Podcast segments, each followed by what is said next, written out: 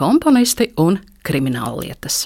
Tāda varētu būt šīs reizes stāstījuma tēma. Pat par spīti tam, ka skaidri apzinos, tieslietu zinātājiem būtu gan ko iebilst pret tik aptuvenu termina krimināllietas lietojumu kā turpmāk. Lai vai kā, palikšu tieši pie šāda tēmas kopsaucēja. Jo vienā otrā biogrāfijā, un jo īpaši memoāru literatūrā, nereizi vien iznācis saskrieties ar situācijām, par kurām vai nu tiešā vai pārnestā nozīmē var teikt tikai vienu - nu krimināli.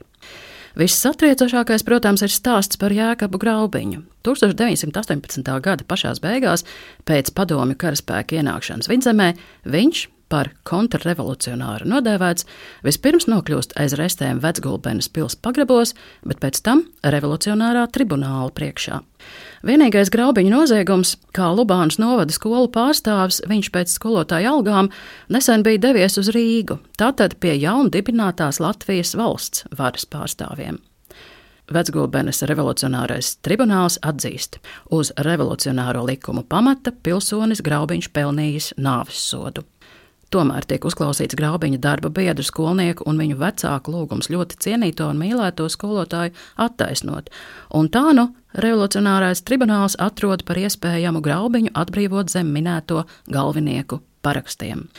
Tomēr vietējie sociāldemokrāti neliekas mierā. Sūdzes un graubiņu un viņa lietu nu jau ar tieslietu komisariāta rīkojumu liek nodot Valkas revolucionārajam tribunālam.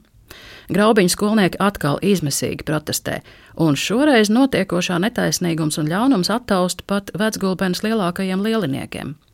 Tā nu vietējais tribunāls graubiņu attaisno, visa galā vēl rakstot skaidrojumu tautas komisariātam Rīgā, kāpēc nec lieta, nec skolotājs graubiņš tā arī nav nonākuši līdz valkai. Sava veida rekordists kriminālu pastāstu ziņā izrādās esam Jāzeps Vītols.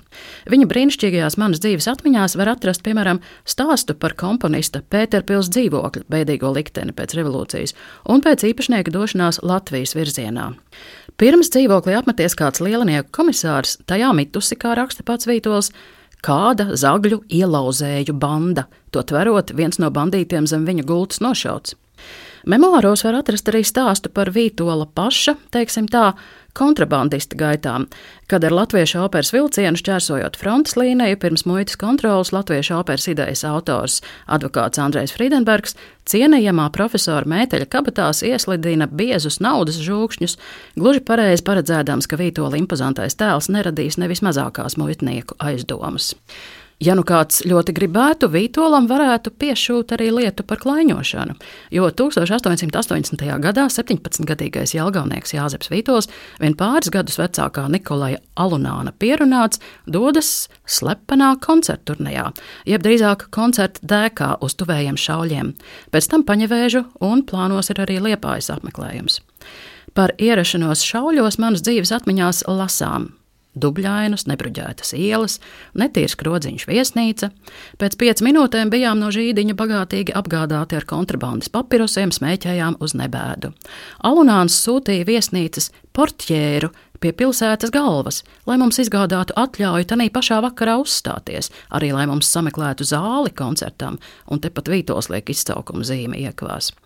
Pēc pusstundas kalpojošais gars klātu mūsu pases Ja tādu nav, tad 12 stundu laikā ārā no šauļiem.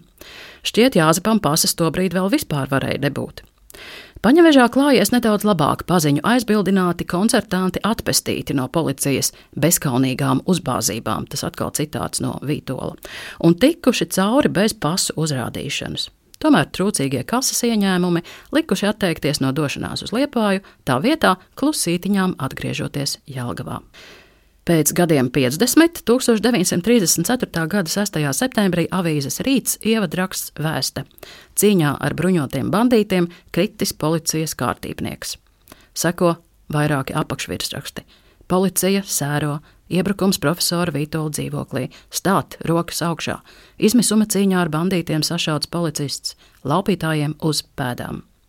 Avīzē jau sīki izklāstīti dramatiskie notikumi. Dīvaini trokšņi tukšajā vītola dzīvoklī, sētnieces zvans policijai, apšaude, zagļu bēgšana izsitot otrā stāva logu un pa ceļam nozaudējot platmalas, kuras policijai kalpošot kā pavadiens meklējumiem, un policista Jāņa Liperta nāve slimnīcā divas stundas vēlāk. Un piebilde, ka laupītāji visdrīzāk bijuši rūtīti recidīvisti, jo tiem rokās bijuši gari gumijas cimdi.